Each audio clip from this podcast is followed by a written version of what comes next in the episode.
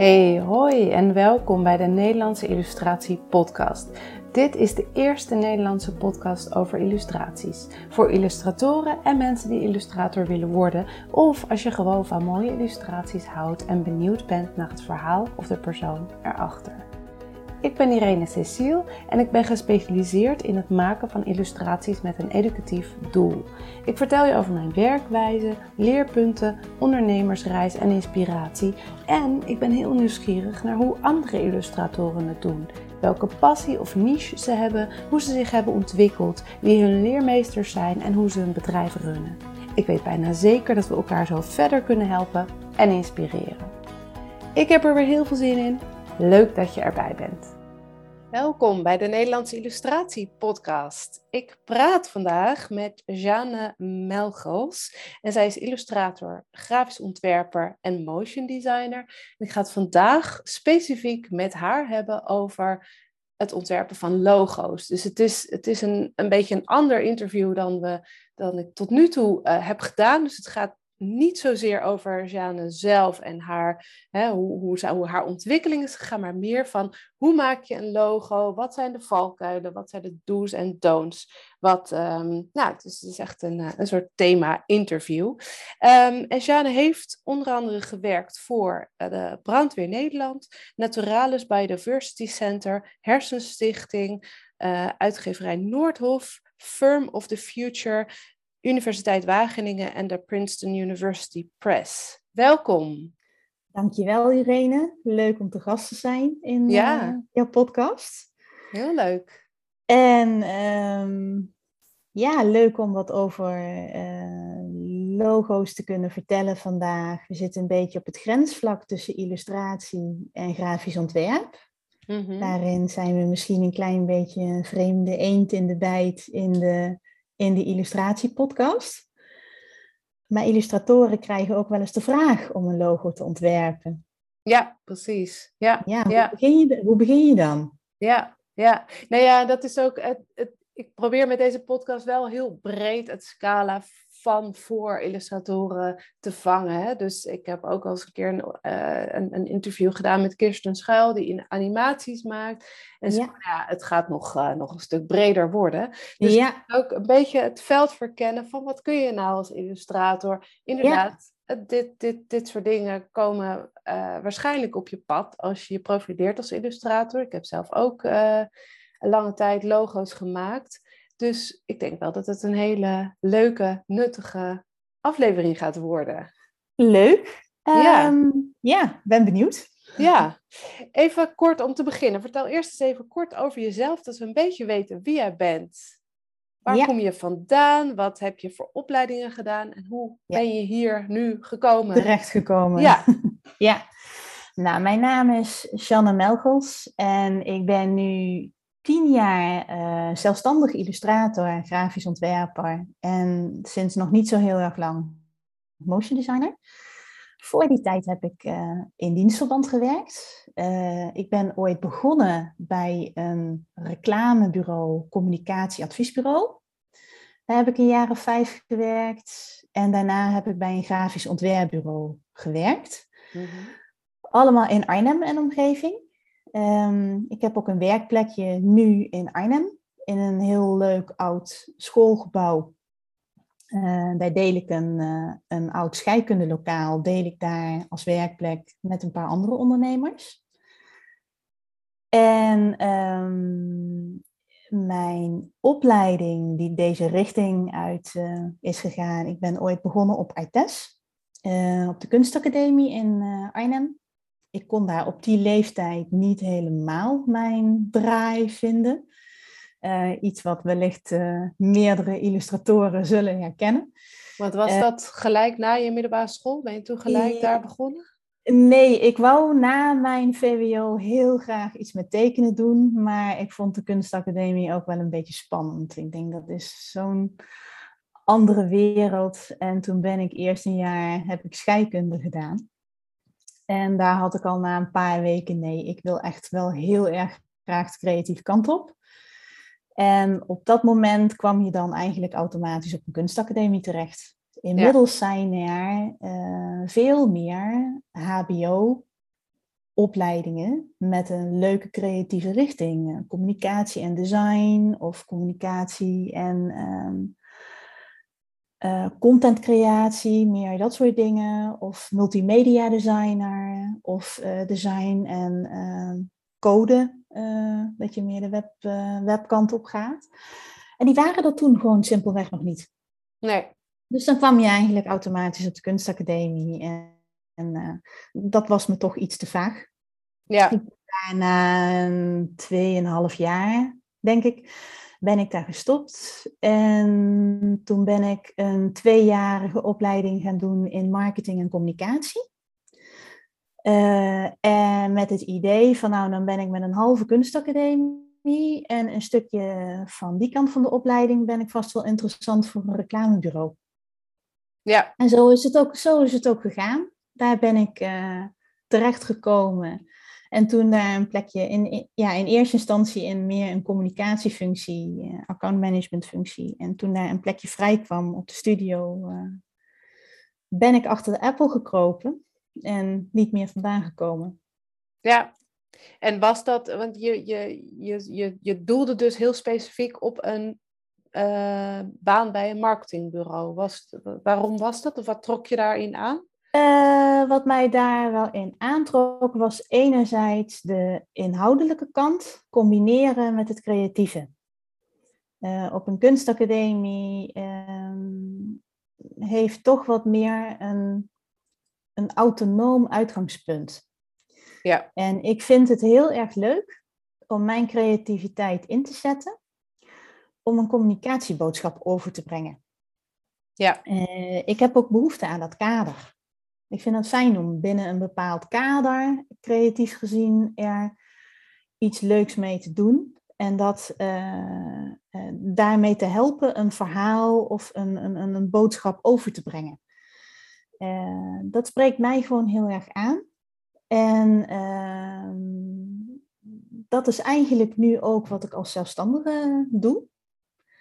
En uh, dat kunnen illustraties zijn om een verhaal te ondersteunen. Dat kan een infographic zijn of een animatie zijn. Dat kan door middel van grafisch ontwerp. Maar logo's doen eigenlijk ook dat.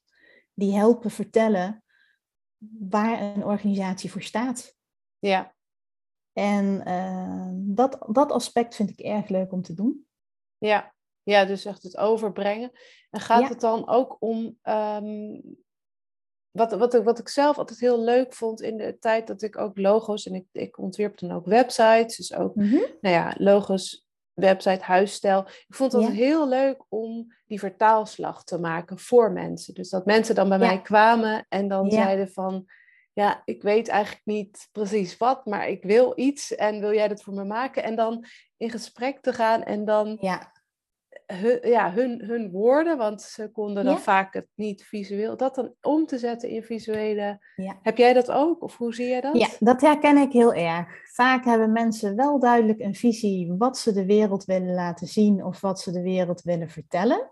Alleen hoe dat er dan uit moet zien, daar kom je als creatief om de hoek kijken om daarmee te helpen.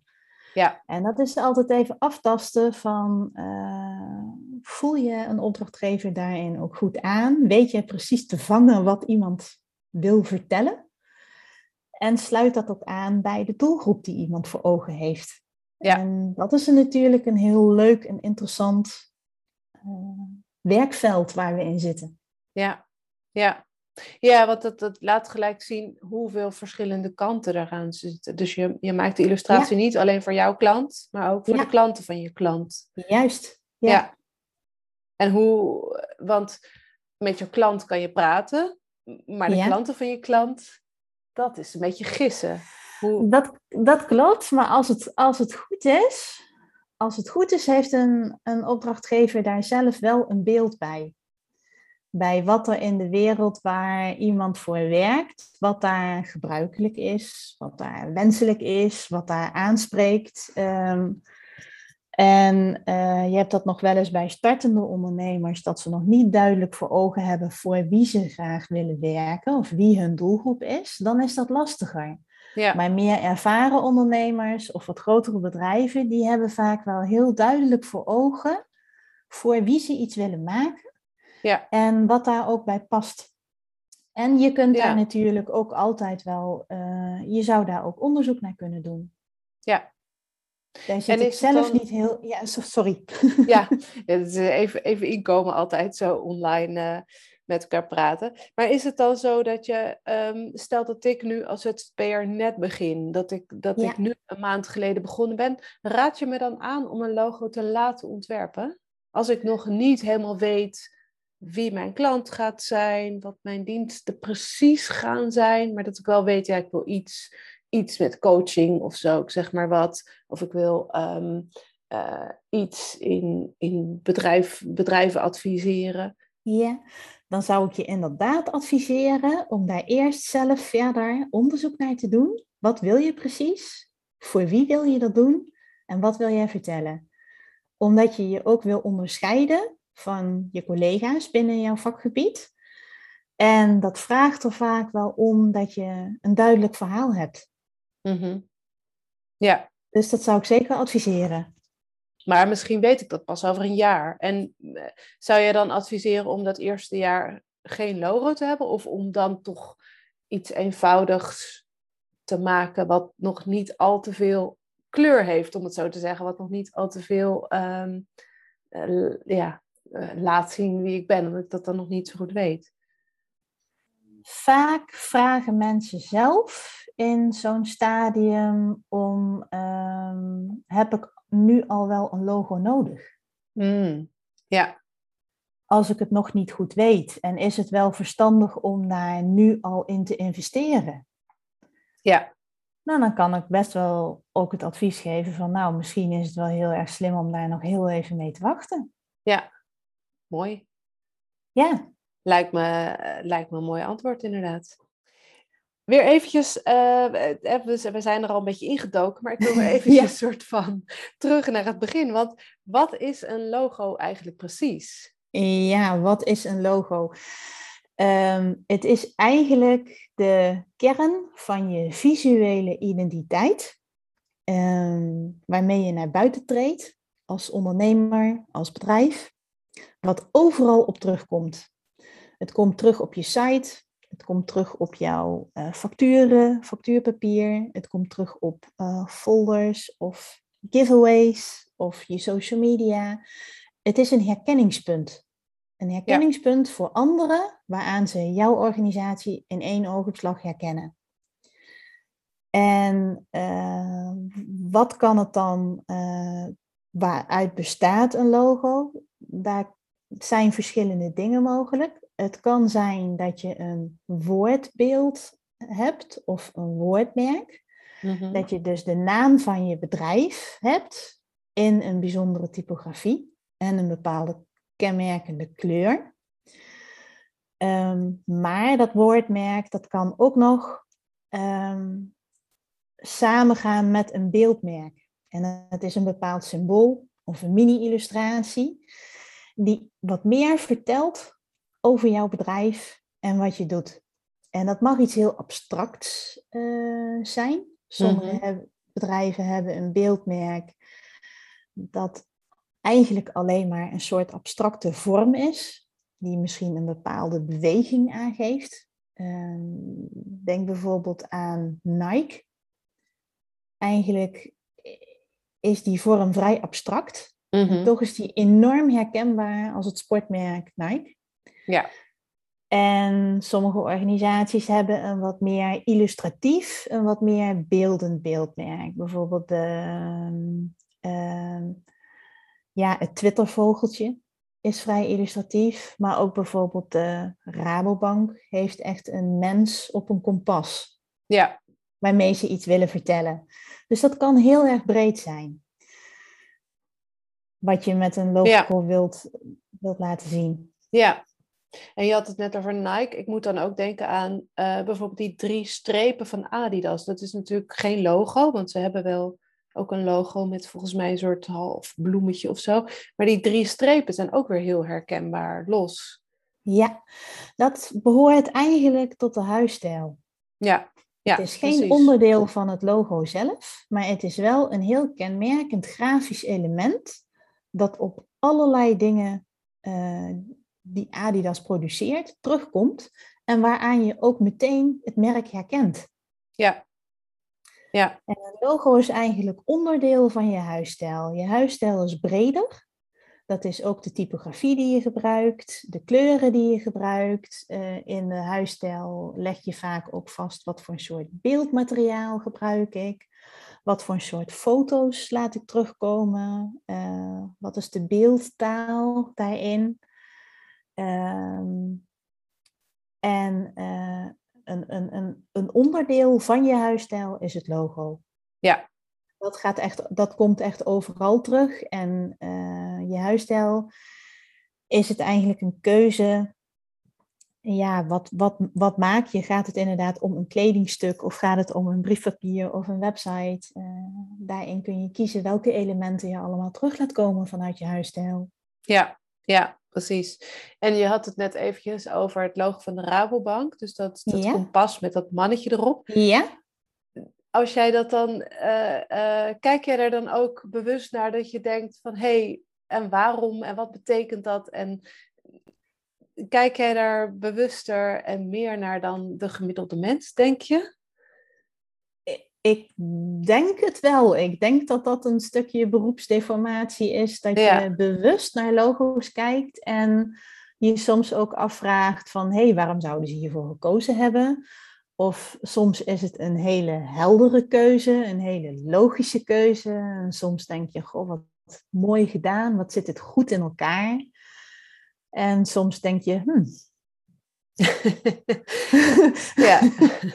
Maar ik denk dat je als illustrator sowieso zo ook naar illustraties kunt kijken. En uh, uh, binnen mijn vakgebied vallen logo's daar ook een beetje inderdaad onder. Uh, dat, je daar dat je daar altijd bewust naar kijkt eigenlijk. Ja. Um, ik dacht, het is misschien wel goed als we even een soort het hele proces doornemen. Ja? Dus ik kan me voorstellen dat, nou, stel dat ik nu naar jou kom van wil je een logo voor me maken? Ja? Dat, je dan, dat we dan eerst even praten dat je daarna een offerte voor me maakt en dat je daarna aan de slag gaat. Dus misschien is het leuk om in die volgorde. Um, nou, dus stel, ik kom naar je toe. Waar begin jij mee? Wat... Nou, ik begin inderdaad met een goed gesprek. Ik mhm. begin inderdaad met een, uh, met een intake. Uh, want ik, als ik voor een, voor een organisatie een logo ga ontwerpen, dan wil ik die organisatie graag eerst beter leren kennen. Uh, wie zijn ze? Wat doen ze? Op welke manier doen ze dat? En wat maakt hun nu bijzonder? Wat ja. maakt hun nu anders dan anderen? Wat is hun, um, ja, dan heb je het over USP's, Unique Selling Points. Mm -hmm. um, waarom kiezen uh, hun opdrachtgevers voor deze opdrachtgever waar ik een logo voor ga maken? Um, welke, in welke behoeften voorzien zij van hun eigen opdrachtgevers. En dat hoeft niet eens allemaal terug te gaan komen in een logo, maar het logo moet daar wel bij passen. Ja. Een logo, de logo, ook de kleuren die je bijvoorbeeld gaat gebruiken, die moeten daar wel bij, bij passen. Voor een kinderdagverblijf kies je gewoon een hele andere vormtaal en andere kleuren dan voor een strafrechtadvocaat. Ja. Uh, daar ligt ook gewoon een andere verwachting in de markt waarin zij werken. En daar, uh, daar wil ik dus graag meer over weten. Uh, ik heb daar zelf een, een vragenlijst voor opgesteld. Waarvan ik ook vraag om, um, die ga ik ofwel in een gesprek, ga ik die samen met de opdrachtgever invullen. Of ik stuur hem van tevoren even op. Ja. Oh, en met de vraag, zou je hier alvast eens over na willen denken? En daar komen ook hele praktische dingen in terug, van welke naam mag er in het logo terugkomen? Welke bedrijfsnaam? Want als je een hele korte bedrijfsnaam hebt, kun je daar typografisch hele andere dingen mee dan wanneer je een lange bedrijfsnaam hebt of er zit nog een heel onderschrift onder met alle diensten die ze, die ze willen aanbieden. Um, ik vraag ook altijd, wil je een, um, een, een woordmerk, uh, een woordbeeld, of wil je een, een beeldmerk erbij? Mm Waar ligt je voorkeur? Wil je graag de abstracte kant op? Of wil je wat meer die illustratieve kant op? wat wil je graag uitstralen? Uh, zijn er uh, logos of um, die jezelf heel erg aanspreken qua stijl, waarvan je denkt van nou daar zou ik wel een beetje op willen lijken? Of zijn er organisaties waarvan je zegt van goh, daar kijk ik naar met bewondering naar. Daar zou ik, uh, ja, het is nooit de bedoeling om een logo van een ander na te maken of daar dichtbij te gaan zitten. Maar dat geeft mij een beetje een beeld van wat een opdrachtgever aanspreekt en wat een opdrachtgever denkt dat bij de markt waarin die zit uh, goed passend is. Ja. Dus het geeft een kader om mee aan de slag te gaan met een uh, logo. Um, dan maak ik inderdaad een offerte. En daarin spreken we bijvoorbeeld af van hoeveel voorstellen wil je dat ik maak. Uh, ik ga meestal uit van twee, maximaal drie voorstellen. Um, er zijn ontwerpers en illustratoren die heel anders werken. Die maken heel veel kleine schetsvoorstelletjes en laten daar de opdrachtgever uit kiezen. Um, dat is niet voor mij mijn werkwijze. Ik maak twee of drie voorstellen waarin ik echt al die informatie van die opdrachtgever probeer mee te nemen. En ik merk dat ik uh, niet 15 gelijkwaardige voorstellen daarin kan maken. Dan worden het zomaar losse schetsjes. Dat is niet mijn werkwijze, maar andere mensen vinden dat, dat juist heel fijn om te doen. En er zijn ook klanten die dat heel fijn vinden. En die verwijs ik dan ook wel door naar mensen die op die manier werken. Want die hebben bijvoorbeeld, kunnen wat minder goed soms omschrijven wat ze willen. En die willen gewoon heel veel schetsjes voor zich zien. En dan begint pas dat proces van, hé, hey, dit wil ik wel en dat wil ik niet. En dat is, een, dat is een andere werkwijze. Dus daarin denk ik dat je moet kiezen wat bij je past. En ook wat bij je opdrachtgevers uh, past. Ja, en die twee tot drie voorstellen, die werk je dan ook meer uit, denk ik. Dan ja, die werk ik inderdaad echt meer uit. Die werk ik echt gewoon al in Illustrator uit uh, tot een, echt een logo, hoe het eruit kan komen te zien. Ja. Dan kiest een uh, opdrachtgever daar de favorieten uit. En dan is daar mhm. ruimte voor feedback en om dingen aan te passen. En meestal zijn we in één of twee uh, correctierondes zijn we tot het definitieve voorstel. En dan um, kun je nog wat sleutelen aan het lettertype of aan de kleuren. Um, en dan uiteindelijk maak ik een paar uh, verschillende uh, versies. Dan maak ik bijvoorbeeld ook een witte variant voor op een donkere achtergrond of voor mm -hmm. over een foto. Ja. En ik kijk vaak ook naar een hele kleine variant. Als favicon voor bovenin het tabblad. Van je browser. Van je browser, voor je website. Maar ook als avatar voor op de social media uh, heb je eigenlijk ook een variantje nodig die op heel klein formaat nog steeds goed zichtbaar is. Ja, ja, precies. Ja. Ik wil weer heel eventjes, want we gaan heel snel nu er doorheen. En wat mooi is er. Maar eventjes terug weer naar de, uh, naar de briefingfase, de offertefase. Ja? Dus je noemde net al die vragen, of al die, eh, die, die aspecten die jij met je uh, klant bespreekt. En even leuk voor de luisteraar trouwens, van die uh, pdf, die heb jij op je website staan en die is zo te downloaden. Dus ik zal daar even een, een linkje naar zetten in de show notes. En de show notes die, vind, die kun je vinden op irenececiel.com slash podcast. Dus alles, alles wat we hier bespreken, alle linkjes, alle, nou ja, deze PDF dus, maar ook misschien heb je straks nog uh, boekentips of zo, die zet ik daar, daarin. Um, nog eventjes, nou ja, dus je hebt dan, je hebt dan die, die, die vragen doorgenomen. Is dat ook iets, zet jij alle de antwoorden op die vragen, om het zo te zeggen, zet jij die allemaal in je offerte? Dus zeg jij in je offerte, we denken aan de kleur blauw met groen dat soort dingen? Nee, dat zet ik niet in de offerte zelf. De offerte zelf is eigenlijk meer de prijsbepaling en wat daar allemaal bij in zit.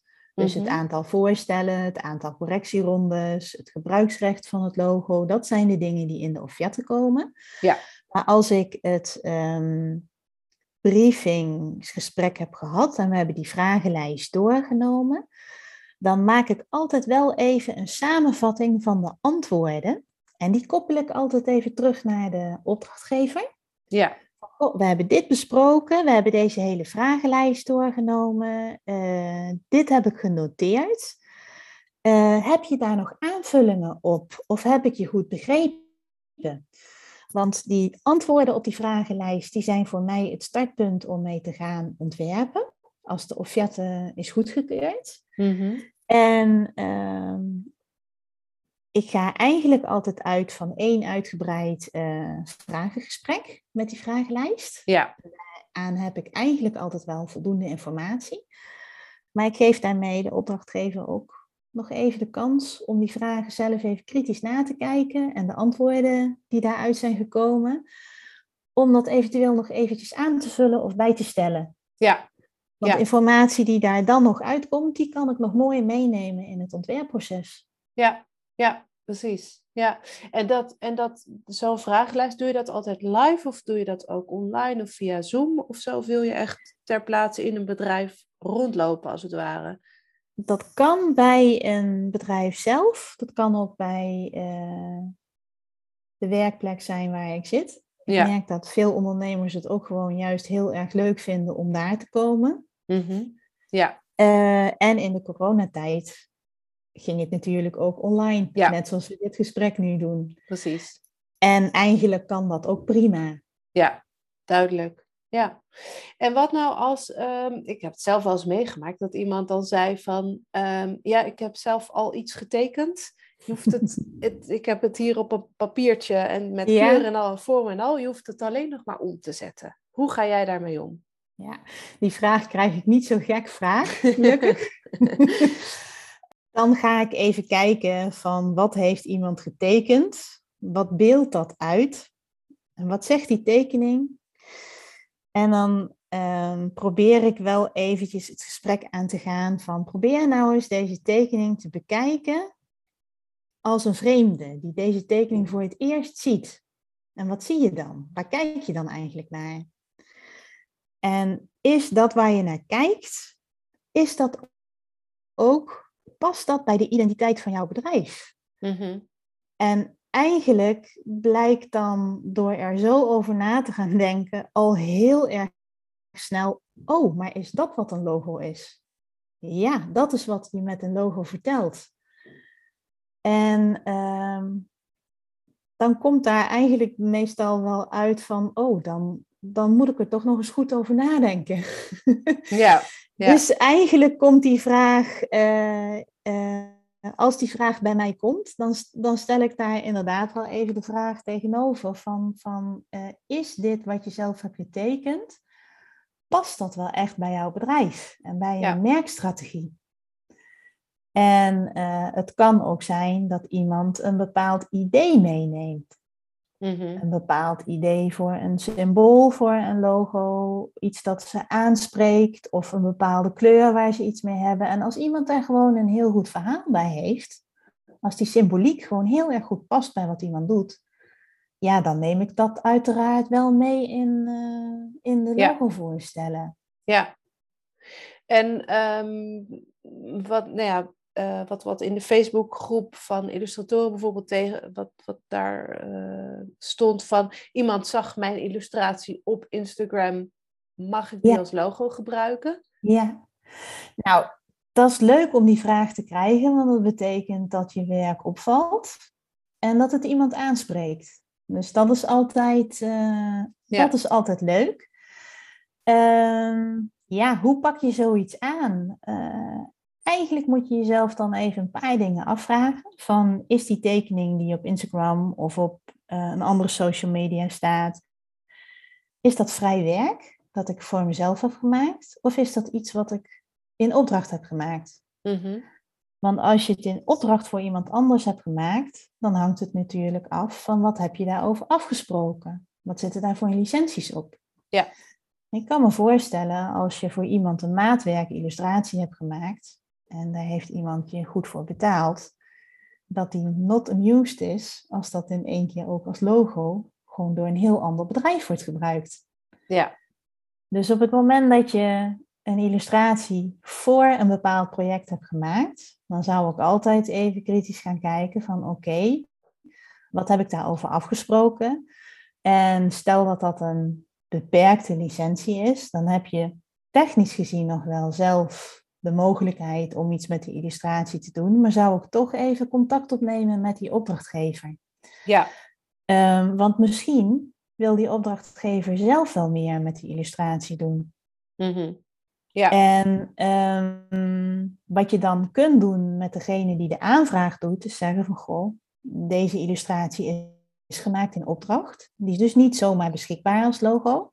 Maar ik zou wel zoiets in eenzelfde soort stijl specifiek voor jou kunnen maken. Ja. Dat kun je dan wel doen. En dan meer op maat en meer. En dan aangepast. meer op maat, ja. meer aangepast. En dan wordt het ook helemaal voor jou of voor jouw organisatie. En ehm, dan heb je ook geen probleem met dat iemand anders al aanspraak daarop kan maken. Ja. En als het een vrij werk is, dan heb je natuurlijk zelf helemaal de zeggenschap daarover. Maar ook dan moet je even, denk ik, afvragen van, wil jij dat vrij werk het gezicht wordt van een andere organisatie, van een bedrijf? Mm Nou, dat kan zijn dat het uh, perfect passend is en dat je daar zelf ook helemaal geen problemen mee hebt. En dan zou je het heel goed ook als logo kunnen aanbieden. Maar misschien heb je zelf wel plannen nog om met die illustratie ooit wat te doen. Ja. Um, en ook dan zou een antwoord kunnen zijn van dit is werk dat ik voor mezelf heb gemaakt. En als deze stijl jou aanspreekt, dan kan ik specifiek iets op maat voor jou maken. Dat helemaal van jouw bedrijf wordt en helemaal bij jou past. Ja. Dus um, als je die vraag krijgt, is het altijd eventjes afvragen van kan het, mag het en wil ik het zelf ook? Ja, ja, ja, duidelijk. Weer even, want nou ja, je gaat een offerte maken. Hoeveel vraag je ongeveer voor een logo? Of hoeveel reken je? Wat is jouw prijs? Ja. En misschien hangt dat ook wel af van het soort opdrachtgever of wat hij zij ermee wil.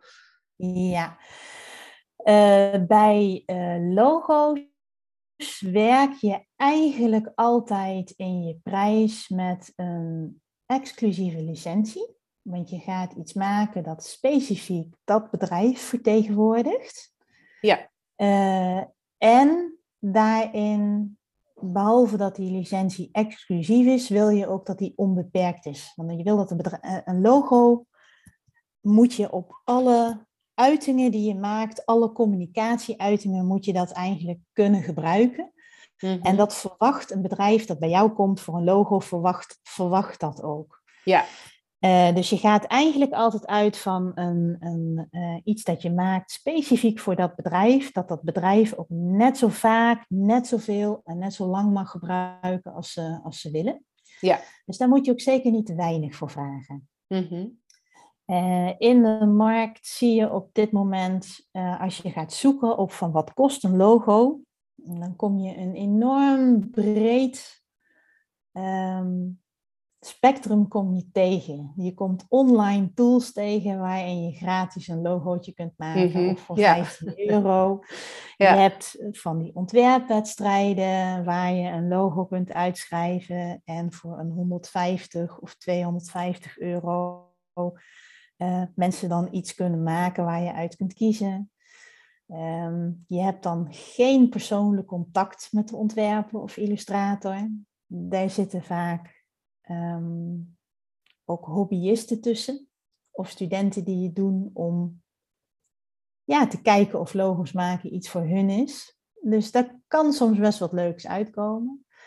Als je bij een eh, freelancer met ervaring eh, een logo gaat vragen, dan kom je, wat ik om me heen zie, kom je eigenlijk op prijzen van tussen een, een, een 300, 400 euro voor een logo en een 1000 euro voor een logo uit. Ja. Ga je naar een klein ontwerpbureau, dan begint het bij 1000 euro tot een paar duizend euro. Ga je Ja. echt naar een design agency, nou, dan ben je duizenden euro's voor een logo kwijt en dat kan tot tienduizenden oplopen. Ja. Dus er zit een hele brede prijsrange voor logo's. En de, En- prijs, de prijzen die je nu noemt, is dat dan eh, zowel het ontwerpen als de licentie bij elkaar? Ja, dat is eigenlijk alles bij elkaar. Ja. ja. En ehm, als ik nu kijk, als ik nu voor een um, ZZP'er of een starter aan de slag ga met een logo, volgens die vragenlijst, twee of drie ontwerpen met de licentie erbij, dan vraag ik nu op dit moment ongeveer 750 euro. En ik wil ook nog dat het aantrekkelijk blijft, ook voor kleine organisaties. Ja. Voor een grotere organisatie vraag ik uh, meer, um, omdat het dan ook al een andere marktwaarde vertegenwoordigt. Mm -hmm. En dat kan ik denk ik het beste uitleggen door een beetje een, misschien een extreem voorbeeld te nemen. Maar als je naar echt hele grote merken kijkt, we noemden straks al Nike uh, of Adidas. Als je naar een modemerk kijkt, dan krijg je een situatie dat bijvoorbeeld een precies hetzelfde t-shirt van dezelfde kwaliteit, dat er hetzelfde uitziet, dat dat t-shirt zonder een logo erop 19 euro kost. En dat logo van dat merk staat erop. En ineens is dat t-shirt ligt voor 75 euro in de winkel. Mm -hmm. En dat is wat een merk en merkwaarde kan doen. Nu kom je als uh, zelfstandig illustrator niet snel in die wereld van dat soort merken en dat soort logo's. Maar dat geeft wel een beetje aan dat bij een groter bedrijf die belangen van dat logo ook gewoon groter zijn. En de marktwaarde van dat logo ook groter is. Dus als je voor een wat groter bedrijf een logo maakt, mag je daar ook gewoon wel wat meer voor vragen. Mhm. En in de praktijk ben je vaak ook veel meer overleguren kwijt. Ja. Ben je ook gewoon vaak meer, daar gaan meer, uh, soms meer voorstellen, maar vooral meer overlegrondes en meer, uh, meer overlegtijd gaat daarin zitten. Ja, en ik kan me ook voorstellen meer correctierondes, omdat je niet met ja. één persoon te maken hebt, maar met, een hele, met een heel team of een heel, hele directie die er allemaal. Uh, ja, en die, willen daar, al, die willen daar allemaal uh, iets van vinden. Mm -hmm. en moeten soms ook eerst iets voor zich zien voordat ze kunnen zeggen van oké, ik riep dit nu, maar ja, dat is het toch. Dat is geen verbetering. Laten we dat toch maar niet doen. Uh, dus moet je soms ook gewoon iets uitwerken om te kunnen laten zien dat het niet werkt of dat het niet beter wordt ten opzichte van een voorstel. Um, dus daar moet je dan ook wat meer tijd voor nemen en ook gewoon een wat meer budget voor rekenen. Ja. En als je te maken hebt met twee organisaties die uh, samen opgaan in één nieuwe organisatie en naar een nieuwe identiteit zoekende zijn, maar toch nog wel graag dingen mee willen nemen uit hun vorige logo of uit hun vorige bedrijfsidentiteit, dan kun je er zeker van zijn dat je een heleboel tijd daarvoor nodig gaat hebben. Ja. ja. En wat zijn dan, want je noemde net eerst gewoon een grote organisatie. Dus stel dat, ik een, een, dat je een logo gaat maken voor een accountantskantoor met uh, 30, 50 werknemers, zoiets. Hoeveel reken je dan voor een logo? Uh, die heb ik zelf ook nog niet gedaan. Dus dan mhm. zou ik ook een beetje afgaan op wat, uh, wat de markt daarvoor vraagt. En dan kom je al snel bij een paar duizend uit. Ja, ja, ja, en als twee, wat je net zei, als twee organisaties gaan fuseren. Heb ik in dienstverband hebben we dat wel eens meegemaakt met gemeentes. Mm En ik weet niet meer zo wat we daar toen voor gevraagd hebben. Ik weet wel dat we daar gewoon niet helemaal uit zijn gekomen. Oké, ja. dat, want dat zijn gewoon, ik noem het gewoon even, omdat dat gewoon hele lastige trajecten zijn. Ja. En uh, daar moet je dus zeker echt meer tijd voor nemen. En dan, dan, dan kom je ook eerder in een aantal duizend euro dan in een, paar honderd, in een aantal honderd euro uit. Ja, nou ja, en ik denk daar komt natuurlijk ook meer bij kijken in de zin van um, sowieso natuurlijk, maar ook van welke naam nemen ze dan aan. En ja. uh, daar zitten natuurlijk ook weer allemaal kleine aspecten aan. Um, dus dat is misschien ook dan is de vraag niet maak een nieuw logo, maar meer eh, wat, wat wordt onze nieuwe identiteit? Wat wordt ja, dan ben je echt aan het begeleiden met een nieuwe, nieuwe merkidentiteit. En daar komt inderdaad gewoon veel meer bij kijken. En als je je puur wil, als zelfstandige focus ik me toch wat meer op het creatieve uh, aspect. Mm als er eerst zo'n, als ik, als ik een vraag krijg waarbij ik aan zie komen dat er eerst zo'n heel traject aan vooraf gaat, dan adviseer ik ook om eerst met iemand die gespecialiseerd is in communicatiestrategie en in positionering, om daar eerst een keer mee te gaan praten. Dat het niet te vroeg bij een creatief terechtkomt. Ja, precies. Ja, duidelijk. Want dan ga je eigenlijk eerst een ander adviestraject in. Ja, en hoe... maar misschien vind, ja, misschien vind je dat wel leuk om echt zelf te gaan doen. Uh, uh, maar ik denk, ik denk dat dat een specialisme aan zich is. Ja, precies. Dat, dat denk ik ook. Of, of dat je daar een groter bureau voor nodig hebt. Maar ja. Goed. Ja. ja, dat kan. Ja. Um, en dan had je het nog over correctierondes. Hoe, hoe definieer dat jij dat van tevoren in een offerte of in een contract? Ik ga meestal uit van uh, twee correctierondes. Mm waarbij ik uitga van dat in de eerste correctie dat we ook nog echt aan de vorm kunnen sleutelen. Mm En dat een gekozen ontwerp bijvoorbeeld tot, tot, twee of drie nieuwe varianten leidt, waar, we, waar echt nog wat te kiezen valt. Um, en de tweede correctieronde, dat zijn voor mij echt de puntjes op de i. Ja, maar betekent dat dus dat als ik uh, van jou twee logo's krijg, mhm. mag ik dan in die eerste correctieronde zeggen, ja, maar die cirkel moet een vierkant worden en uh, dat puntje moet een uh, streep worden? Ik bedoel, maak het helemaal anders. Mag dat dan? Of is dat geen correctieronde? Hoe... Mag het helemaal anders? Als het helemaal anders moet, dan is het dus eigenlijk een nieuw ontwerp en geen correctie. En dat heb ik eigenlijk nog niet zo gek meegemaakt. Dat heb ik nog niet zo vaak meegemaakt met logo's.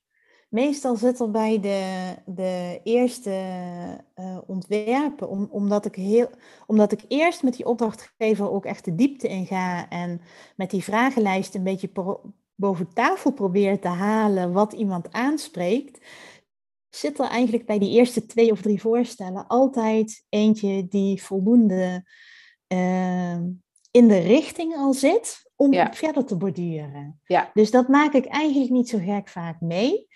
Zou dat wel een keer voorkomen, dan. Ehm, ja, ik heb het trouwens wel één keer meegemaakt. Dat het toch echt een hele andere richting uitging. En toen heb ik wel even overlegd over. Uh, ik ga graag voor je aan de slag met echt een ander voorstel. Want dit is het dus blijkbaar niet. Maar mag ik daar een paar uur extra voor rekenen? Ja. En dat was toen ook goed. Ik heb, ja, ik heb het, nu ik aan terugdenk, ik heb het wel een keer meegemaakt. Dat het echt, echt even een zoektocht was.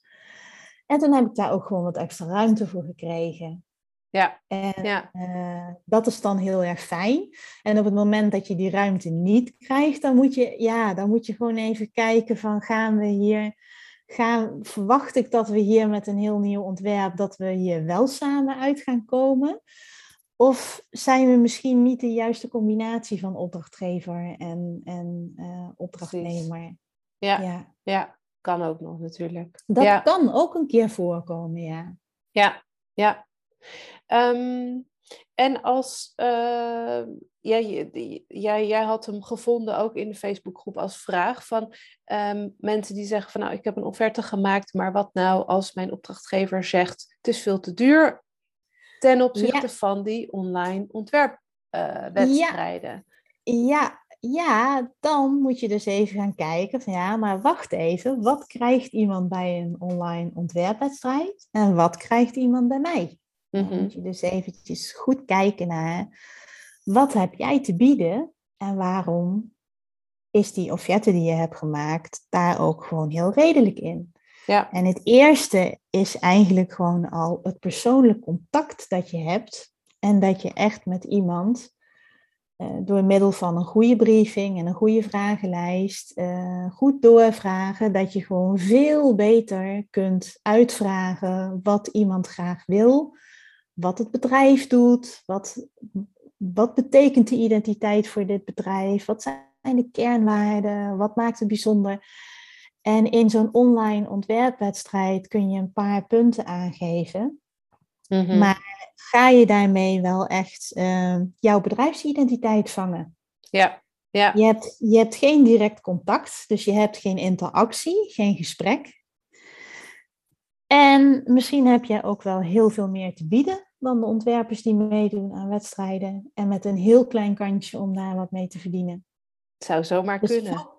Ja, dus focus, je even op wat je zelf te bieden hebt en wat jouw kwaliteiten zijn. En neem daar iemand in mee. En als iemand dan toch wil kiezen voor een ontwerpwedstrijd, ja, dan moet hij dat maar doen. Ja, precies. Denk ik. En dan een jaar later alsnog terugkomen. Ja, precies. en, en met die ontwerpwedstrijden, er is voor iedere prijsklasse is er ook een markt. Er zijn natuurlijk ook verenigingen of sportclubs met een heel erg klein budget. Die gewoon niet een uh, maat, niet, ja, niet veel budget hebben voor echt maatwerk. Of iemand die een hele kleine webshop heeft, die, die als hobby mhm. erbij heeft en daar toch een leuk logootje op wil. Ja, en als je het dan op die manier via een ontwerpwedstrijd iets eruit krijgt waarvan je denkt, nou, dit vind ik eigenlijk best oké. Ja, ga ervoor. Ja, ja, precies. Ja, duidelijk. Ja. Nou, dan hebben we de, de offerte en de prijsfase zo'n beetje gehad. En dan mhm. nou, ga je aan het werk. Ja. Hoe begin jij? Want begin jij met, uh, ga, begin je met schetsen of begin je, heb je in je hoofd als eerst een lettertype of een kleur? Of hoe? Wat is jouw eerste stap? Dat ligt een beetje aan de vraag. Als ehm, het echt een beetje een illustratief logo mag worden met mhm. een beeldmerk, dan begin ik eigenlijk toch gewoon met schetsen met potlood en papier. Uh, gaat het wat meer richting een abstract logo ehm, of een, een woordbeeld, dan begin ik met lettertypes uitzoeken. Ja. Heb je een logo waar allebei in terugkomt, dus en gewoon een, uh, een, een, een, een, mooi woordmerk en een beeldmerk, dan komen die op een gegeven moment, komt die, komt die schetsfase en het lettertypes zoeken, komen samen en gaan combineren. En kijken wat daaruit komt wat er werkt, wat er niet werkt, variantjes maken. Ehm, en dan uiteindelijk in een vector en in kleur uitwerken tot, uh, tot voorstellen. Uh, ik laat eigenlijk nooit mijn, uh, of nooit of zeer zelden mijn potloodschetsen zien. Dat vind ik een wat te vroeg stadium om het ontwerp te laten zien. Ik zit even te denken hoor. Ja, en dan, en dan um, uh, dus je, ja, als ik het zo hoor, jouw proces is ook heel organisch. Dus je, soms begin je met papier, mm. soms begin je daar. En uiteindelijk is het een beetje spelen en een beetje vogelen om het bij elkaar te krijgen. Om het bij elkaar te brengen. En uh, ik kan mij herinneren van op de academie en ook de beginjaren als ontwerper, dat je dat die ontwerpfase alle kanten uitschiet. En dat je heel veel varianten maakt. Uh, en naarmate je langer bezig bent hiermee, um, gaat dat proces eigenlijk sneller. Ja. Um, maar heb je ook minder varianten nodig, omdat je in je hoofd ook al je, je, slaat soms bepaalde stappen een beetje over. Eh, omdat je al weet wat gaat werken of wat niet gaat werken, of wat gaat passen of wat niet gaat passen. Uh, maar eigenlijk ga je eerst wat de breedte in met schetsjes en met lettertype zoekers. En daarna ga je het weer versmallen naar een paar voorstellen, uh, naar een paar voorstellen toe. En die voorstellen maak ik altijd in Illustrator. Ik werk in Illustrator. Ik werk meteen met een, uh, met een vector. En um, daar rollen dan de voorstellen uit die ik ga presenteren. En als ik het ga uh, presenteren aan een opdrachtgever, dan laat ik niet alleen uh, zien wat ik heb gemaakt, maar maak ik daar ook een korte omschrijving, een rationale bij, waarin ik de keuzes die ik heb gemaakt even uitleg. Ja. En dat is vaak een handvat voor een opdrachtgever om ook even zelf die vragenlijst er weer bij te pakken.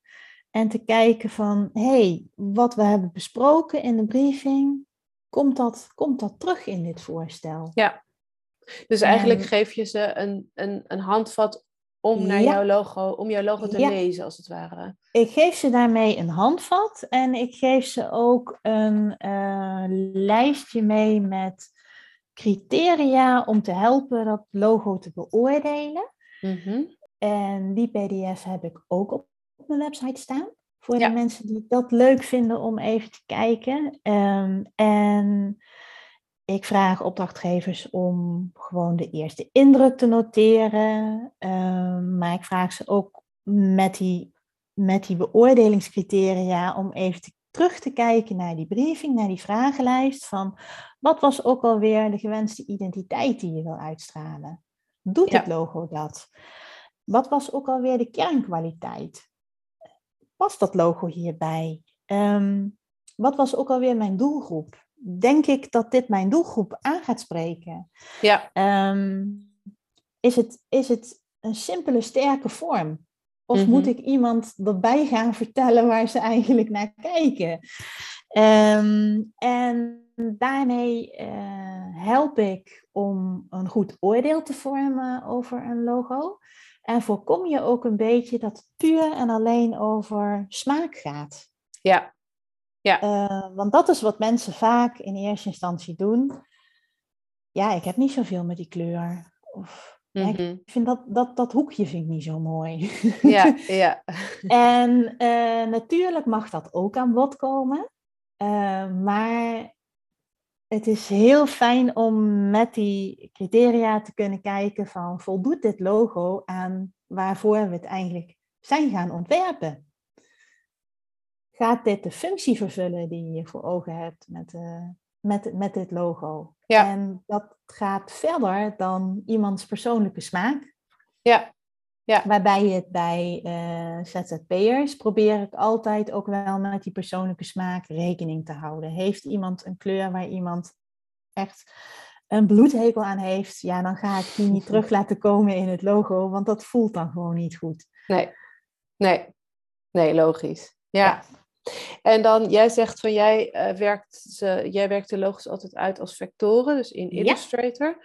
Ehm, moet dat? Of mag je ook een, uh, een, een, logo in pixels maken? Dus dat je bijvoorbeeld een handgemaakte tekening of een, een, mhm. een, stukje foto gebruikt? Hangt er een klein beetje van af.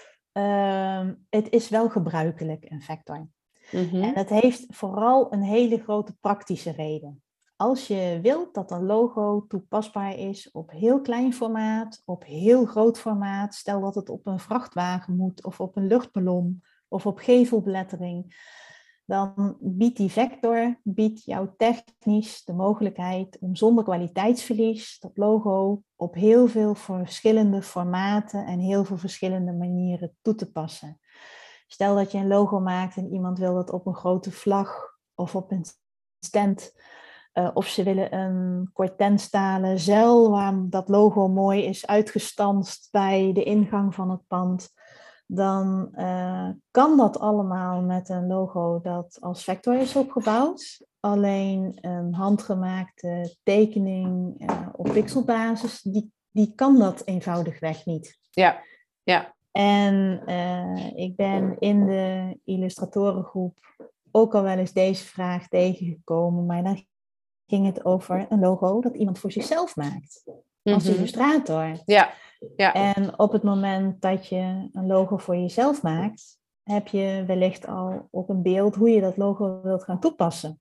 Mhm. En als het bij jou alleen op je website hoeft en alleen op je factuurpapier, maar je gaat daar geen, je gaat dat niet opblazen tot een groot formaat of je wil ook geen gevelbelettering, dan heb je misschien helemaal geen vector nodig. Nee, nee. Dus moet het? Nee, het moet niet, maar het is wel heel erg praktisch. En, ja. voor een als je het voor een opdrachtgever ontwerpt, dan zou ik het zeker wel willen adviseren om het te doen. Ja. Ja. Gewoon omdat je nu nog niet in kan schatten uh, hoe een organisatie dat logo later wil gaan toepassen op alle communicatieuitingen. Met wel, denk ik, de kanttekening dat een, een pixel logo, om het zo te zeggen, kan natuurlijk ook een hele mooie uitstraling hebben. Kan een hele mooie handgemaakte. Ja, ja klopt. Ja. Uh, dat kan ook een reden zijn om daar juist wel voor te kiezen. Mhm. Ehm, wat daarbij dan slim is, is om met de opdrachtgever te overleggen van oké, wij kiezen om deze redenen voor een uh, handgemaakt logo, een, een pixelgebaseerd logo, uh, handmatig. Maar dat heeft wel een paar consequenties. Dat betekent dat er ook dingen zijn die we niet met dit logo kunnen doen. En ik denk dat je daarin als illustrator en ontwerper ehm, een stukje advies moet geven aan je opdrachtgever. Ja. Dan wil die graag echt een heel mooi handgetekend ding. Dat kan. Maar dat heeft ook bepaalde consequenties. Er zijn ook dingen die dan niet meer goed mogelijk zijn met dit, met dit logo. En dan maak je een wel overwogen keuze. Ja, ja, precies. Nou, mooi, duidelijk. Ja. Ja, ehm, ja en dan is je logo klaar. Hoe lever jij je, hoe lever jij logo aan? Dus ik neem aan dat je een EPS-bestand opstuurt. Klopt. Maak je daarnaast ook nog een JPEG of een PING of allemaal dat soort um, uh, meestal lever ik het en als uh, eh, EPS of als um, Illustrator PDF-file aan. Mm -hmm. als, de vraag, als de klant daarom vraagt, maar eigenlijk in principe een EPS. En meestal ook een PNG. Ja. omdat opdrachtgevers vaak de EPS nodig hebben om het in ander drukwerk terug te laten komen. Maar ze kunnen niet altijd zelf een EPS openen. Ja. En die PNG, die kunnen ze wel zelf openen en die kunnen ze ook zelf verwerken in Word of in PowerPoint of op de website of op de social media. Dus ik maak meestal een set met EPS en PNG. En maak je die PNG dan ook in verschillende resoluties of geef je er gewoon eentje? Als je bijvoorbeeld zegt van ik maak een kleintje voor op de website en een grote voor in, in, nou ja, in, in briefpapier of iets dergelijks. Ja, meestal twee, meestal twee formaten. Ja. En als het echt heel klein moet zijn, dan maak ik daar meestal een apart bestandje van met alleen het beeldmerkje erin, ja. maar niet het hele complete logo. Of ehm, een stukje uit het logo dat nog herkenbaar is als kleine avatar. Ja. Uh, maar niet het complete logo verkleind naar, naar een halve bij een halve centimeter, want dat wordt niet meer leesbaar en ook niet meer herkenbaar. Nee. Dus meestal een EPS en JPEG op een, uh, en dan de PNG op een, uh, um, ja, JPEG soms ook wel eens, maar meestal een PNG omdat je dan met, met transparante achtergrond kunt werken. Ja. En dan op een paar verschillende formaten. Ja, en dan dus de verschillende varianten die je hebt gemaakt. En dan heb je nog verschillende varianten. Dan heb je inderdaad een kleurvariant en een diapositieve variant met uh, wit in het, de tekst in het wit in plaats van een donkere kleur. En soms ook het beeldmerkje helemaal in het wit. Ja. Dat ligt er even aan wat we daar, waar we op uitkomen in het ontwerpproces. ja, Mooi. Ik denk dan, uh, dan, dan zijn we het proces soort van uh, helemaal doorgegaan. Zijn er, uh, heb je het idee dat er, dat er trends zijn in, in Logoland? Van zijn er nu dingen die we... Ja, die zijn er, die zijn er zeker. Mm -hmm. En als je via Instagram of gewoon online zoekt op logotrends, dan zijn er ook altijd wel organisaties die die trends verzamelen. Mhm. En uh, laten zien en op een rijtje zetten. Ja. En dat is altijd wel leuk ook om te bekijken. Um, je hebt bepaalde periodes dat um, gradients, kleurverlopen, mm heel erg veel terugkwamen of komen. Je hebt uh, periodes gehad dat alle zakelijke logo's waren donkerblauw met oranje. Mm je, je, hebt, je, hebt, je hebt echt wel trends die zo terugkomen. En als ontwerper, als je terugkijkt naar werk van 10 of 20 jaar geleden, dan zie je dat je eigen werk ook verandert in die tijd. Dat je, mee, dat je een stukje meegaat met trends. Dus het is denk ik ook prima om dat goed in de gaten te houden van wat, wat speelt er nu, wat is nu gebruikelijk, wat spreekt, wat spreekt nu aan. Ehm, aan de andere kant wil je ook graag dat een logo langer meegaat dan een trend. Ja. Een logo maak je in principe voor, voor minimaal vijf of tien jaar. Zeker als je een logo op heel veel communicatiemiddelen terug wil laten komen, moet je er niet aan denken om dat iedere 1, 2 jaar allemaal opnieuw te moeten gaan doen. Nee, precies. Nee. Dus in die zin moet hij ook een beetje tijdloos zijn. Ja, ja. Misschien is het wel leuk als we achteraf nog eventjes uh, één of twee linkjes eh, van die logo trends websites even opzoeken en die uh, in de show notes zetten. Dat is denk ik wel leuk. Ja, dat is wel een leuke. Ja. Je hoeft ook zeker niet alle trends mee te nemen. Sommige passen bij jouw ontwerp- en illustratiestijl. En andere mhm. zijn weer een hele andere stijl. Of passen niet bij het soort opdrachtgevers dat je hebt. Nee. Maar het is altijd wel leuk om er naar te kijken. Ja. Vaak, komt er, vaak komt er aan het einde van het jaar uh, komt er zo'n soort voorspelling uit. Ja, precies. Van, ja. van net als dat ja. Pantoon uh, de kleur van het jaar vaststelt voor het komende jaar, zijn er mhm. zo ook wel mensen die in die logo's duiken en inderdaad een soort voorspelling doen van wat, wat speelt er nu in logo-ontwerpgebied en wat gaat daar aankomen komend jaar. Ja, ja, precies. Ja, ik vind dat altijd wel leuk om dat een beetje bij te houden. En om het ja. te herkennen ook. Om dan, oh ja, maar Dit, dit vind ik inderdaad zelf ook nu heel leuk. Of juist niet. Maar ja. ja, ja. Ja. Het is sowieso altijd ook inspirerend om te zien uh, wat anderen maken. En um, je moet alleen, denk ik, wel voorkomen dat je met z'n allen als ontwerpers ervoor zorgt dat het allemaal op elkaar gaat lijken. Ja, tuurlijk, uiteraard. Ja, ja want wat, um, als we dan, wat, wat, wat, wat kenmerkt jou als logo-ontwerper? Wat, wat, wat zijn jouw unique selling points? Ja, dat is altijd over jezelf vreselijk moeilijk om te zeggen. Mm Uh, logo's die ik maak zijn over het algemeen, uh, werk ik wel graag met kleur. Zijn ze kleurrijk? Mm-hmm. Uh, zijn ze ook wel illustratief? Maar zijn ze ook wel strak en eenvoudig? Ja. dus het illustratieve zit vaak wel in een beeldmerk erbij. Maar dat zijn vaak bij mij vrij eenvoudige dingen die ook op heel klein formaat nog goed te herkennen zijn. Ik werk niet met hele ingewikkelde constructies. Mm-hmm. Ja.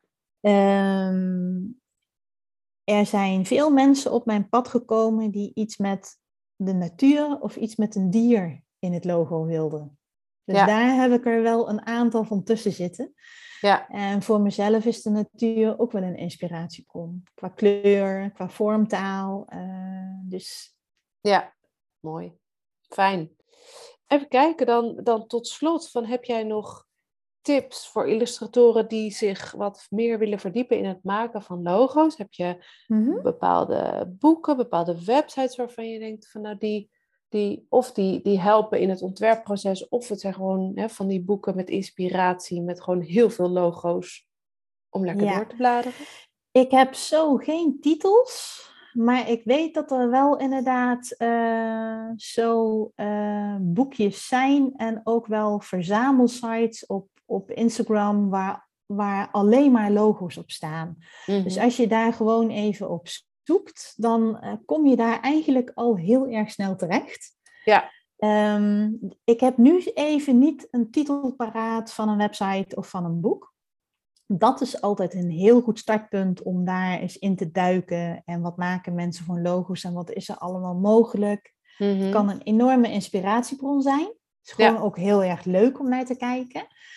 En als je vanuit een andere illustratorenhoek komt en het lijkt je leuk om logo's te gaan maken, zou ik zeggen, verdiep je ook een stukje in marketingcommunicatie.